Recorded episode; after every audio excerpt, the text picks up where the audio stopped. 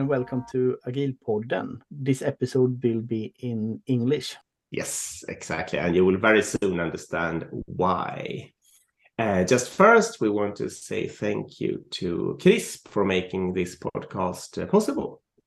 Uh, CRISP is an uh, awesome company that helps uh, people to educate themselves within agile and similar topics, and where you can also get support uh, um, getting people into your company if you want to do an agile transformation or similar.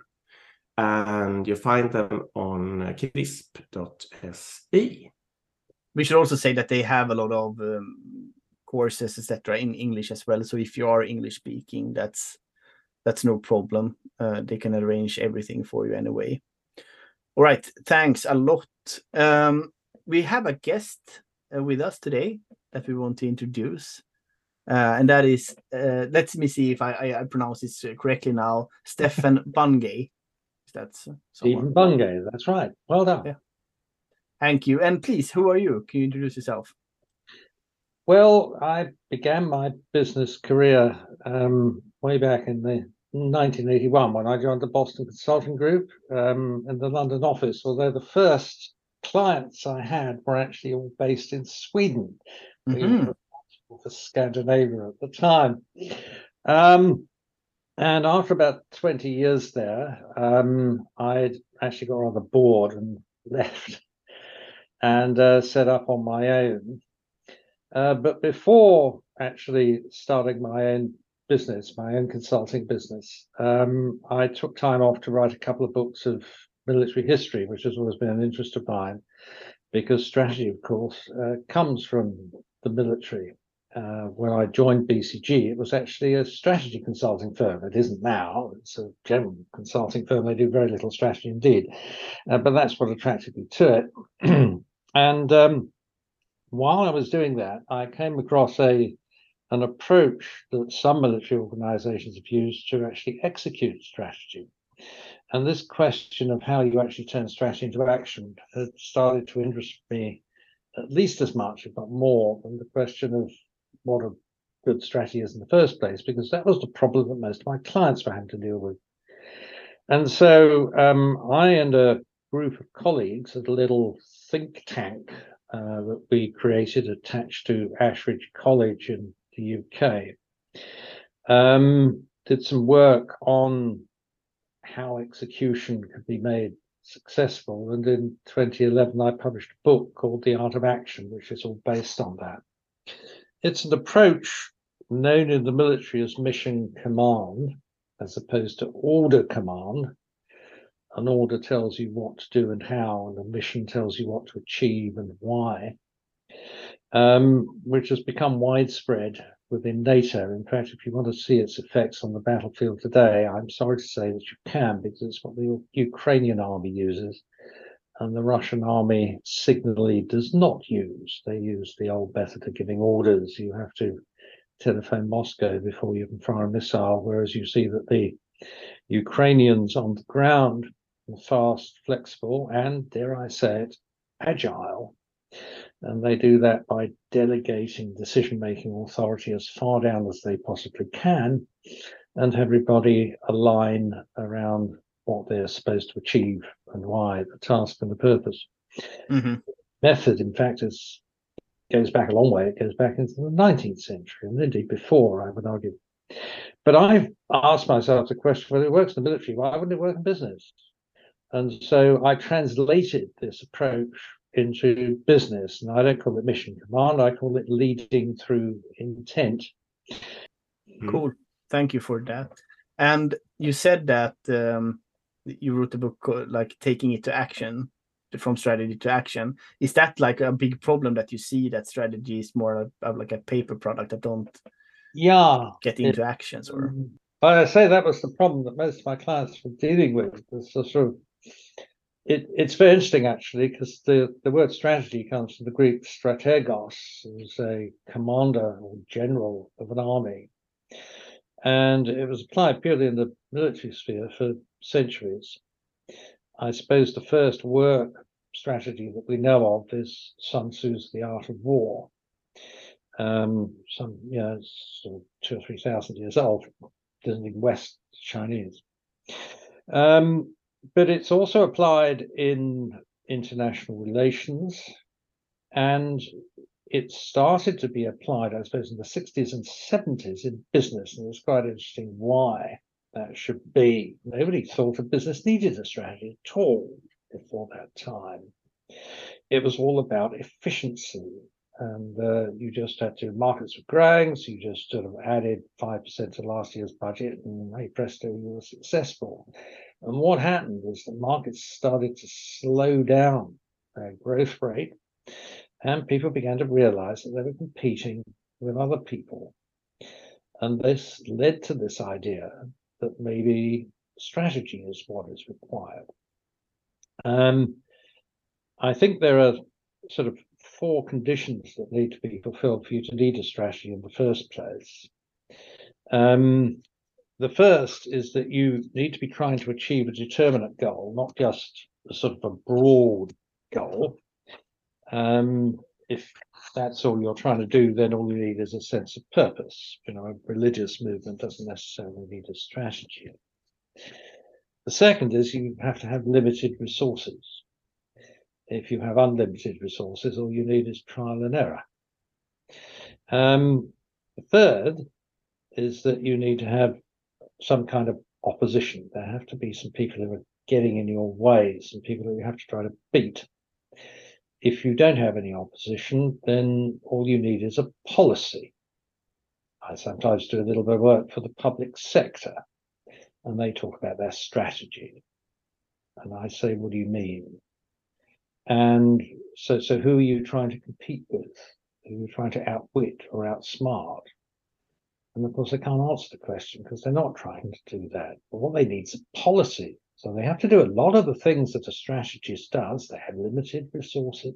So, and they have a determinate goal. They have to try and work out what it is, but they don't have an opposition. They don't really need a strategy. Strategy is a game in which there are winners and losers. And the fourth thing which is quite fundamental, is that you must be operating in an environment of uncertainty.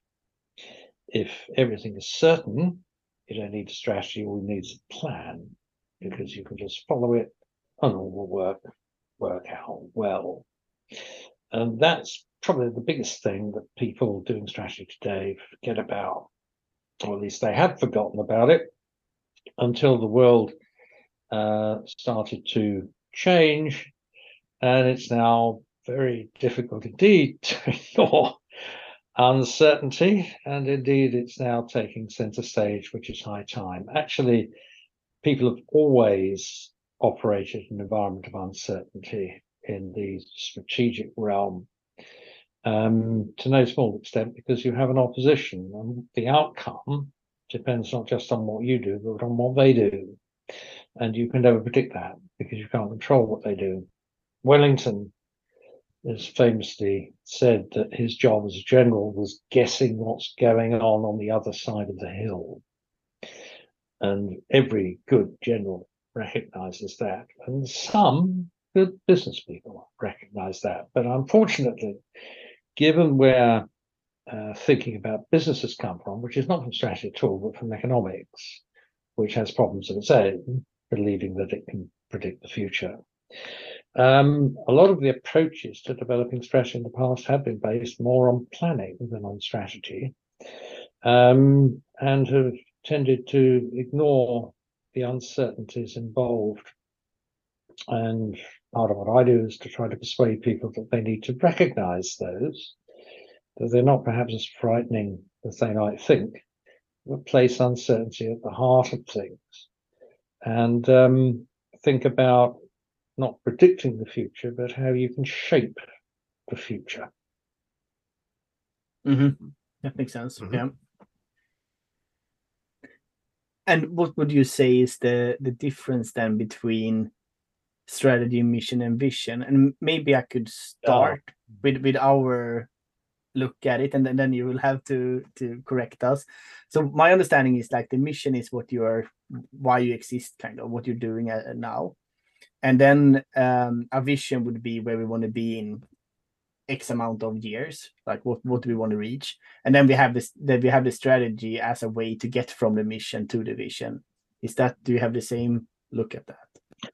I think that's broadly how it developed. Yes. Um, I think the problem is in part that although if you ask people in 1970 what a strategy was, nobody would be able to tell you because they wouldn't really understand why you'd need one in the first place. Now people have got some a strategy for just about everything uh, when they don't actually need one.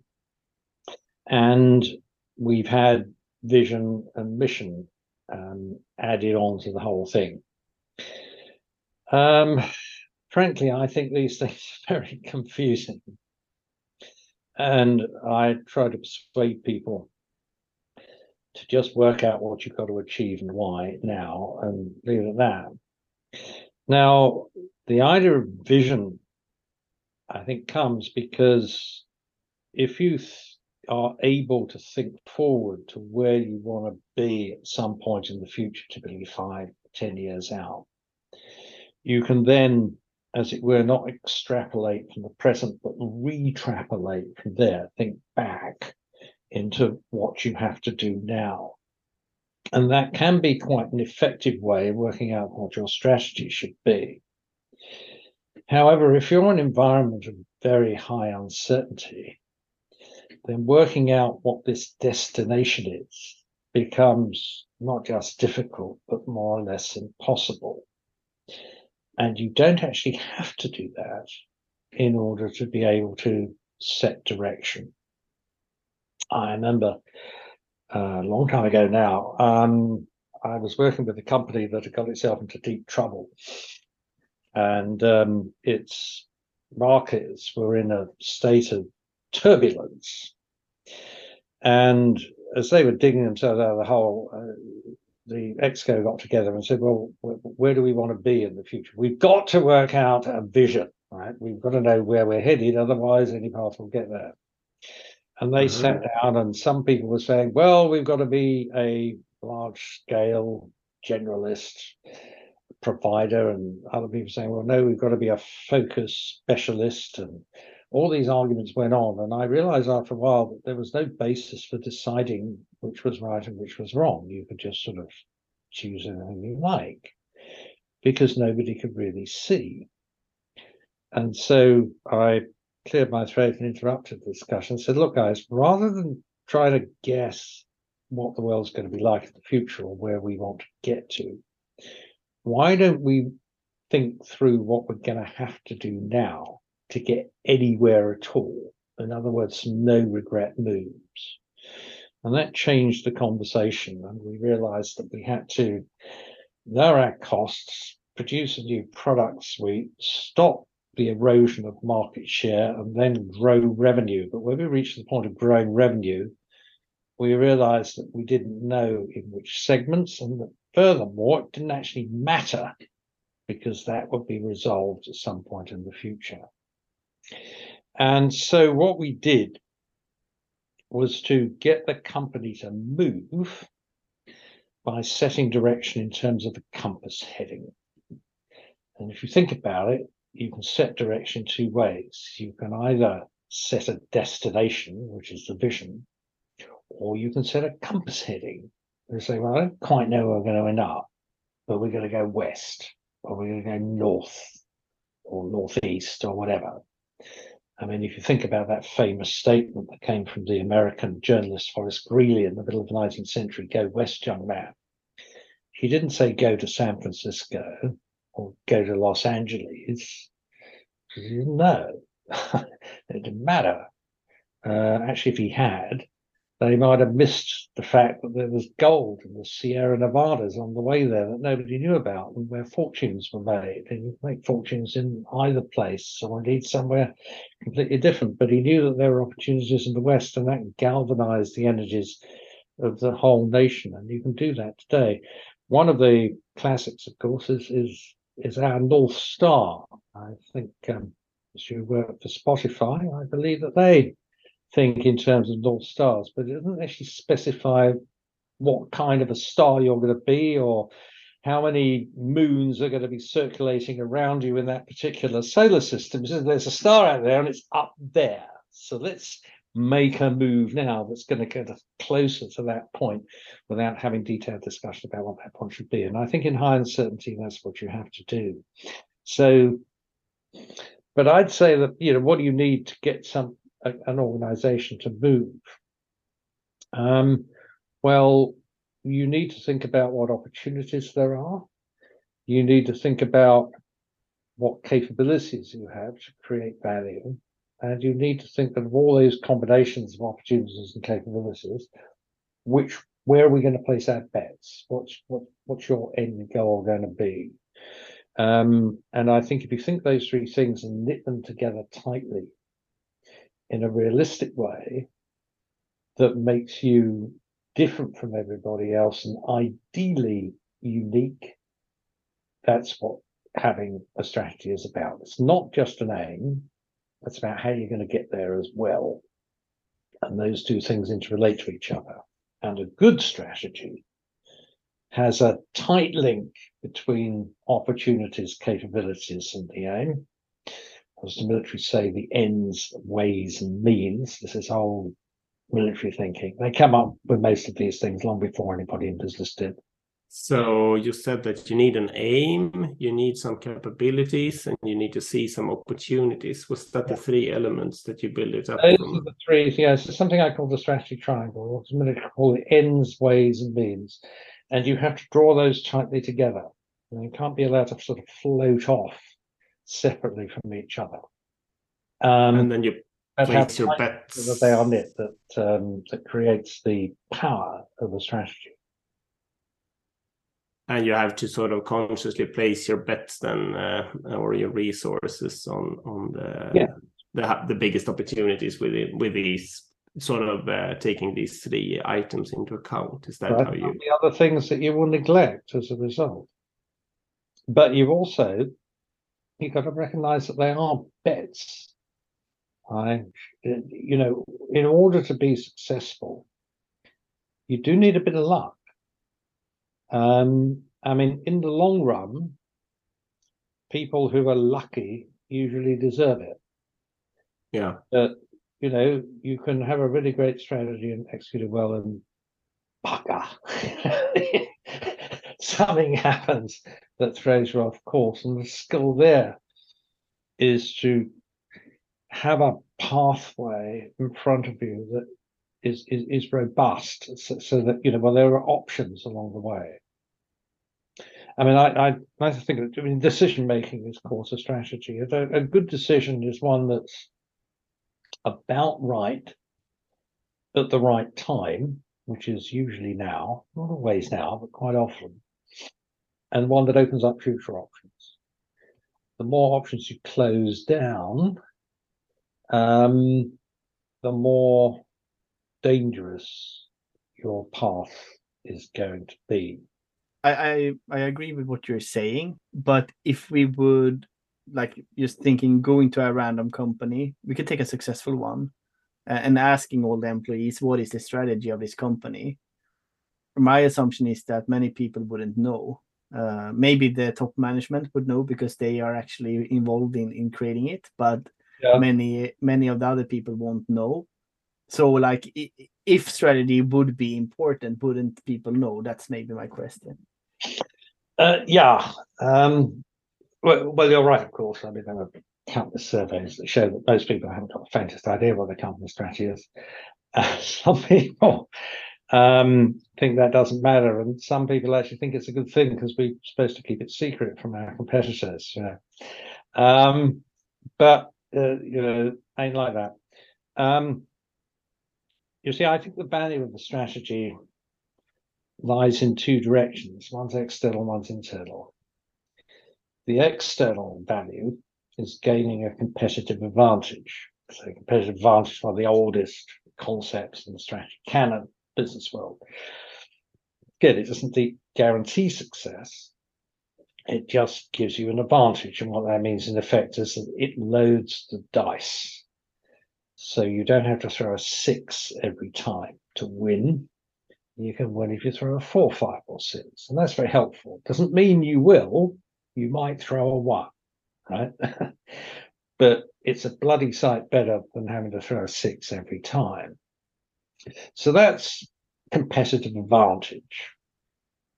But there's another um, advantage to having a good strategy, which is that if it's clear enough because it's made choices, it can form a framework for decision making internally. And it means that your managers, if they understand the strategy, when faced with a decision, difficult decision, a trade off, will know which direction to go in, whether to turn left or to turn right. And it can only do that if it does make choices. And there aren't many strategies that are clear enough to enable people to do that. And strategies have long been identified with plans. As I said right at the outset, I don't believe they're the same thing at all. Um, I prefer people to think about a good strategy as a framework for decision making that enables people to take action, independent action, which is coherent, because everybody is trying to follow the same intent, as I call it. But they have freedom of action to adjust what they do as they go, because the situation is always going to be changing. That's why it's dangerous to plan everything. You should plan your operations.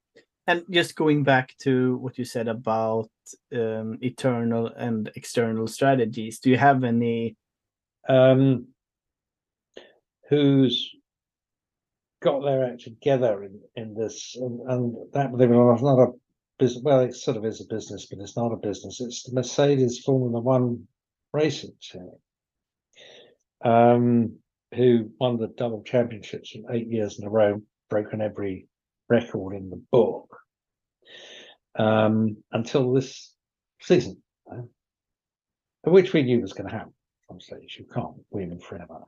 Um, yeah, that's true. Are, are you, have you been working with them? Uh, or... I, yeah, I worked with them from 2014 for about mm-hmm. three or four years.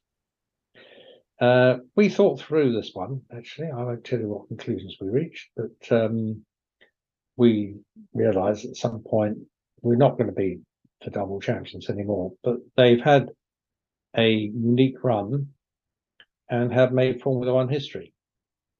Um, and we applied all these techniques there, had a long discussion of what the intent is for the season every year in January on offside.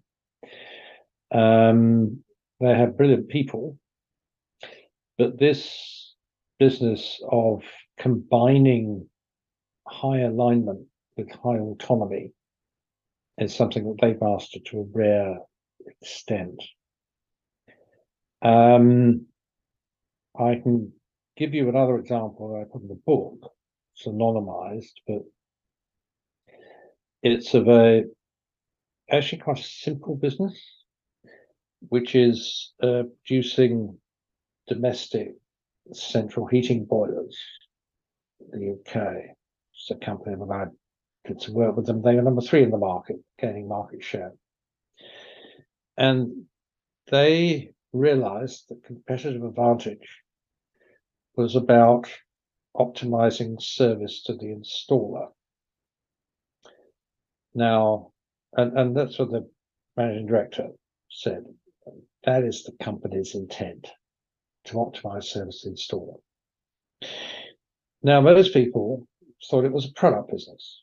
They were doing well because they had better products. He said 10 years ago, maybe Today, nah, it's no difference. Tell the difference. It's not a product business anymore, it's a service business. And most people thought it was about the end user. Right? You know me, people who buy boilers. Says no, it's not. It's about the installer. I, I would have guessed that as well, yes. The installer makes 90% of the purchasing decisions, he said. You you you only when you need to replace your boiler, you ask the installer. And the installer doesn't work for any individual company. And you can install any any boiler you like. So he has a huge amount of credibility. And he's the one who makes decisions. And we service them better than anybody else. And so so that was it was it almost sounds like a slogan, like a political slogan. optimize service and it. But actually, it meant quite concrete things. So, for example, he didn't want his marketing director to spend a lot of money on a television advertising campaign to the end users, which was a complete waste of time. He wanted him to improve the quality of the product literature, which he said was a load of shit and matters a lot to our installers. He wanted his R&D director um, who was producing a new range of boilers to make sure, yes, they're efficient and so on, but above all, they're easy to maintain and install. And this came down to things like where do they put the inspection panel and what is behind the inspection panel? How do we save time for the installer? And he was obsessed about spare parts availability because I don't want my installers to turn up on one of our distributors and not be able to have their spare parts. And he was prepared to spend whatever it took to improve spare parts availability. Yeah, you mentioned yeah. Um, you mentioned Mercedes and, and Formula One. I'm a, I'm a big, big, big fan since I'm a, I'm the new generation coming from from the Netflix Drive to Survive series uh, into Formula One, which I think oh, many yes. people many, many many people are in my my age. But can you tell me a bit more about that journey you did with Mercedes there? It's so interesting. I, I yeah, I can't let it slip through. Yeah, there are a number of things that um, they're really good at. So I mentioned uncertainty. So this is a business that has more data um, and is able to process it faster than any other business I can think of. You know, every time the car goes around the track, they've got hundreds of sensors on the thing, giving them real-time information. They do endless tests during the winter, and yet they know that when that car gets on the track in Melbourne, they don't know how it's going to perform. They know what they don't know. They know well. They don't know the temperature. They don't know how the track's going to change. Now it's going to rain, etc., etc., etc. And so when they're planning, so they have a kind of bell curve distribution of um, outcomes, and they plan for an advantage, such as our tire wear is better than we expect, and we can pit Lewis on lap 21 instead of lap 18 when they plan or think through what would happen if something goes wrong. Vettel jumps us on the first corner, for example. And I was at a race where just that happened. And there was a very senior executive in the back garage behind me. And I saw him uh, shouting out, What has happened? Something has gone wrong. We must get back on track. That was his turn, which is an unfortunate turn, given that they were actually on the track anyway. And I was very struck by the attitude the engineers, because one of them was just in front of me watching the screen. And he turned round and he smiled right on obviously. He says, Oh, well, it could be an interesting afternoon, he said. Looks like we've got work to do. And they dropped the plan in nanoseconds and refocused all of their effort on optimizing the outcome based on the current reality. There was no time loss. There was no blame. They didn't try and work out what gone wrong. I mean, how the hell are we going to do that? they said, right, okay. And they came up with something um, it was to do with undercuts and what have you. Um, and I think they got on. I think they got Lewis and Bottas up to one two, but then something else happened. More shit hit the fan, as it always does. Um, and they ended up three four or something, but they they'd been down seven eight or something like that. See, I mean they they pulled back them very well. Um, but they treat all of these things as learning experiences. There was another race, that was a very interesting example, another very interesting one. Um, when again something something bad happened, and uh, they had another race um, about a week later, so they they just left it. But the chief engineer wrote a white paper. Now, white paper is an analysis of what happened, which is up for discussion. It's called paper. It's circulated around everybody. And he thought it was an aerodynamics book. And he circulated the whole thing. They went round everybody, all his colleagues, for about oh, two weeks. And they concluded that it was a tyre problem. and they this is the help of the university and started delving into the characteristics of the materials and the tire and the road and what actually happens. It got down to some very basic physics and learned as a result. And I remember talking to the technical director at the end of the year about we, we always used to have discussions about you know what was best, what was worst about the previous season. And uh, he said to me, um, "Well, the highlight for me was when we when we had that failure in Singapore." I said, hmm? He said, "Yeah." He said, "Our competitors are going to really regret we lost that race because we've learned so much." And what they don't know is that we've already embodied various upgrades into the car. They don't know about. And I thought to myself, it's interesting because if you don't have a problem, you won't find a solution. They got into the problem in such depth. They understood it's a problem that potentially anybody could have, but only they had solved it. And I remember when the same thing, I think it was Singapore, maybe wrong, doesn't matter really when that anyway, when that race came up next year, all the journalists would say, "Oh, there's a there's a bad track for Mercedes and so on," blah, blah, blah. and they got a one two, and they were like, "Oh, well they don't." It's it's that kind of thing, and and I think something else as well is which is the we mentioned values beginning, really important because that they're a really important enabler of all this happening uh, in particular is very big on this is one team and there's no blame, no blame culture. And, you know, that there are other um, teams, I should say, where if the same thing had happened, everyone would be pointing fingers and all rest. Not a hint. Right? And people outside just don't get it. Um, I remember when the um, chief strategist, um, lovely guy, uh, absolutely brilliant, uh, made a mistake. I made the wrong call, and he apologized to Lewis in public when just go around the track. You might remember, I can't remember which year it was. And the press reaction to this was Toto Wolff humiliates his chief strategist by forcing him to apologize, uh, etc. And uh, well, is he going to chop his chief strategist and so on? And I was in Brackley the following week, and they they they were in hysterics about this. So because you know, they, it shows you how how much idea they have about what things are like around here. He had, of course, decided entirely of his own accord to make a public apology Nobody told him to. No, no one dared. Cross Toto's mind, anybody else's mind. So, oh, you better you apologise, isn't? And it wasn't humiliating at all. And everybody thought, fantastic. And everybody knows that he's the best strategist in Formula One. and he's still doing the same job years later. Um, and another thing um, is that I you realize this little detail when they go to collect cups, trophies on, on the podium.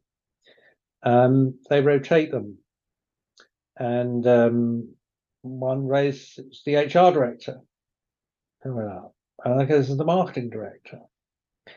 And I remember the marketing director saying to me that as he went up on the podium, he heard um, a remark from a familiar voice. He said it was the principal of another team, I believe saying, oh, look at the Mercedes. They're putting their marketing director on the podium. And he said, as I heard that, he said, my heart swelled with pride because I realized that although on the track, the difference between us is minuscule tenths of a second, culturally, we are miles apart. And those bastards will never beat us. Nice. Thanks for sharing. good one. That's the soft side of strategy, which is actually very important. Mm-hmm. Going back to the to the MD again for that company, I guess he didn't um, put the strategy into 150 pages of PowerPoint, right? To to like sell it to the company. So how do you how did he do it and how would you do it? Kind How of? do you formulate it? Well, uh, I know it's a while ago now. We we we ran a load of workshops, and I I, I just turned to turn it into a statement. Um, Uh, okay, so a short statement that, that everyone could like yeah, easily I mean, understand. the format for doing this, a statement of intent, as is sort of what's what's the context? Um, what are the implications for us? Therefore, what is our intent? Now, let's formulate that as a what and a why. So in that case, it was optimize service installer in order to become market leader within five years. That was it. Then we need some measures. We need to say, are we getting there? That one was relatively easy to measure, but the optimized service installer one wasn't quite so easy. I mean, obviously you've got the market share one you can measure. Um, but so there's a set of measured metrics. Um, they're important there. And then, so what does that imply about what we need to do? I understand that you, I mean, however you want to put your directional message, it has to be very short and understandable by everyone in a very short time frame. I was thinking of the, I guess you know David Marquet and uh, Turn Oh, the yeah. Ship, the book Turn the Ship Around and so on. Is he, uh, because he also talks a lot about intent uh, based leadership and that you, to work by intent. Would you say that he is a good uh, strategist? Well, I don't know him well enough. but let me say, uh, so what he and I have written about is strategy execution. But Yeah. he's coming from the same place. And when I read that book, I recognized it all immediately. And of course, he was he was trained to use mission command, although uh, it's quite interesting that some military organizations use it and live it, and others don't. They uh, sort of talk about it. And you'll have got the idea that the culture of the US Navy was not about mission command at all. It was giving everybody orders, aye, aye, sir. Whereas if you went to the Marine Corps, you'd find a very different approach. Um, and David's story in Turn the Ship Around is a great example of the way in which a single leader's behavior can affect a whole group. I mean, he summarizes it as turning followers into leaders. And he only did that because when he got onto the USS Santa Fe, it was a kind of submarine he'd not been trained on and he didn't know how it worked. So he had to ask his people. Yeah, I was forced into that sort of, or it was the only um, reasonable way of, of solving it. Yeah. the principles that he espouses and the principles that he advocates are exactly the same. All of it. Yeah, it's one of Dick's uh, favorites. He he he quotes uh, him Yeah, and, and that and is very true. all the all the time. Um, yeah, what's your? We should start to to round off, but one question that we need to to touch is also OKRs. What is your experience with OKRs and how they connect to strategies? Are you familiar with OKRs? Maybe. And can you like even replace uh, all other strategy with uh, with a set of OKRs, for example? Right, Is that yeah.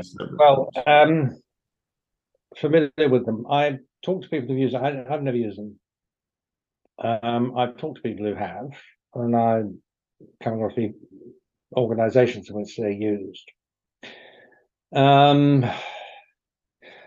I think they're fine as far as they go, but the the problem is where where the objectives come from in the first place. I'm much more concerned with how, how you get the objectives in the first place and how you turn them into key results. And that comes in in the middle of the technique that I usually use, which are these basically five questions that I get people to answer. So what's the context? What's the higher intent? One or two levels up. What is my intent?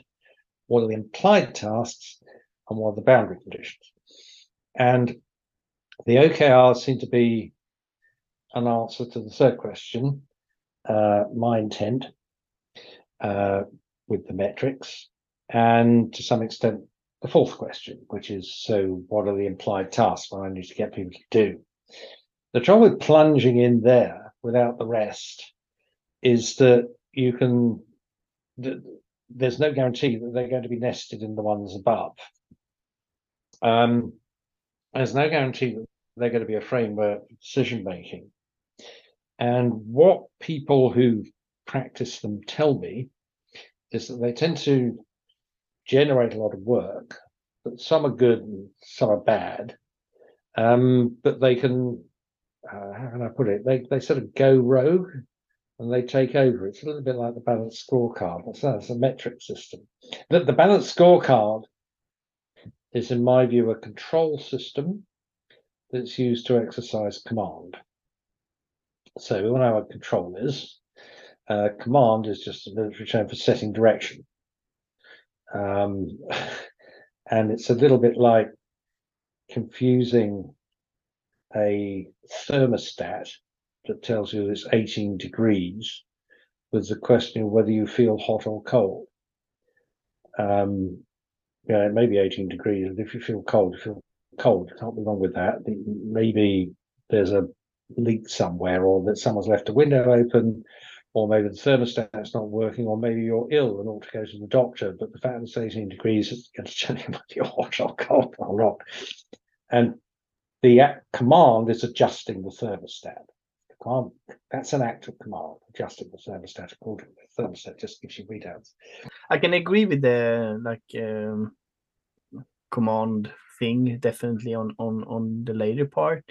I think um, uh, you can use OKRs on all levels. So I mean, we could have one objective from the MD in, in that company saying that we need to focus on uh, the installer or the service uh, business. Uh, but then it's mm-hmm. it, I agree with you that it's it's not built in in the framework how that connect down to other objectives in the organization that you have to kind of make sure or or yeah that you need to steer, yeah. steer yourself kind of a big thank you for for for yeah. being part of the podcast. And if someone wants to reach out to you how how do you how do you do that? Do you find well, it on uh, linkedin uh, or tiktok I, or... when i was at school. Everybody made fun of me because i got a strange name. And they called me bungai and bungai and bung it away and you know what kids are like. Mm-hmm. But I've got revenge since because in the age of Google, if you put my name, Stephen Bungay, into Google, you get me. If mine, if I'd had a, a normal name like John Brown, you'd never be able to find me in years. But now you can. So I've had the last laugh. It's a funny name, but bung it in Google, bung bung in Google, and you'll get me. Good. All right, cool yeah and we will also yeah we, we can also link uh, if you want to link to something special if you don't want to google. Yeah, all right. so, yeah. great. Thank you again for for joining. thanks a lot, guys. We should also say thank you to chris for making this podcast available and helping us yeah. out. We should also say that if you want um, to contact us in any other topic please reach out. We have agilpodden at gmail.com. You can actually find us on Instagram. Uh, that's a good tip for no, you, Stefan, as well. Fro. And again, uh, big thank you for for joining our podcast today. Yeah, really, thank you. Cool. Thanks to everyone that's listening as well. Okay. Bye bye then. Bye bye.